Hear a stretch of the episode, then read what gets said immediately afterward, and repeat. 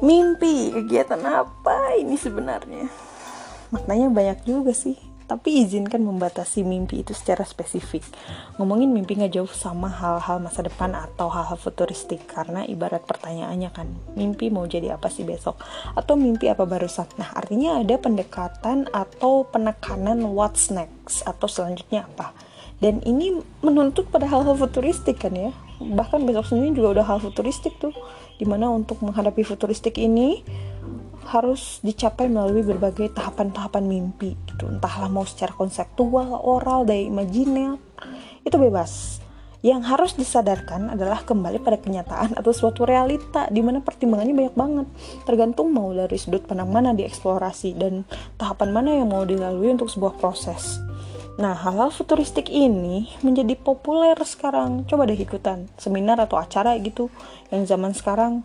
Judulnya pasti diawali dengan future bla bla bla gitu. Termasuk future gastronomy and future tourism. Hal ini karena ada misi transformasi atau perubahan pada suatu era atau zaman.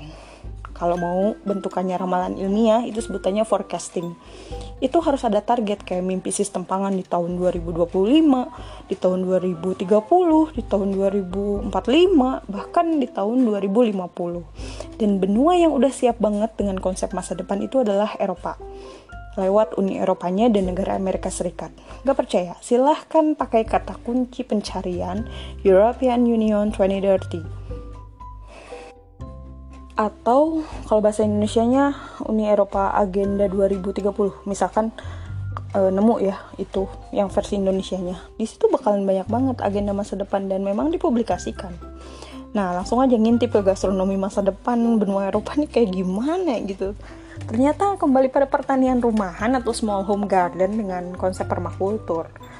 Jadi kita balikin ke keadaan pekarangan rumah orang Indonesia ya yang tinggal di gang sempit, perumahan atau perbatasan desa dan kota gitu udah ada berapa hektar sebetulnya.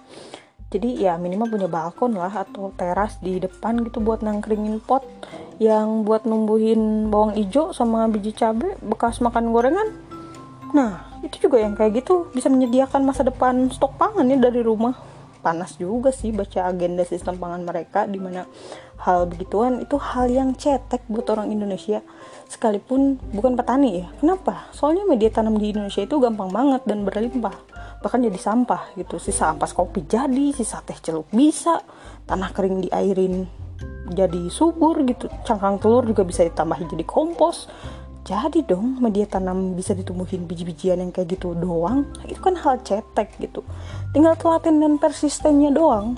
Nah konsep cetek gitu bakalan jadi tren di 2030 di sana sehingga masyarakatnya tidak ketergantungan sama negara tropis terutama untuk makanan pokok. Jadi nggak usah kaget kalau misalkan sumber daya alam dari Indonesia udah nggak laku di sana soalnya mereka udah mandiri sih. Nah strategi ekonomi jenis apa yang dikala transaksi dan perdagangan global itu tersendat ruwet juga ya mikir mimpi 2030 gitu. Makin gak kebayang. Dan untuk masa depan pariwisatanya nih karena mereka sumber dayanya adalah bangunan megah dan hal-hal sosial humaniora yang dianggap terbaik oleh idealismenya ya. Di mana kalau diiklankan ke benua Asia Afrika pasti laris lah padahal belum tentu menarik karena negara-negara di benua Asia juga udah mulai berbenah mulai berbenah pada pariwisata mini-mini gitu jadi kayak ada mini Belanda, mini Paris, mini Swiss yang berbasis ekowisata. Kayaknya nggak bisa ditandingi juga untuk hal ini. Dan orang-orang Asia dan Afrika kan sudah banyak yang kondisi ekonominya membaik. UMKM ini lagi gencar-gencarnya. Apa? Sekarang di Indonesia gitu ya. Bahkan banyak kolaborasi anak muda juga, banyak produk baru, harganya kompetitif gitu dan ya futuristik gitu konsepnya makanya kalau Indonesia bisa berdaulat untuk makanan dan budayanya dan sumber daya pariwisata gitu ya walaupun cuma curug itu bisa menjadi kekuatan juga untuk menuju kerangka konsep 2030 ya mimpi di 2030 nih kehidupan kayaknya berasa ini ya berasa ngawang-ngawang gitu ya 2030 pada bentar lagi.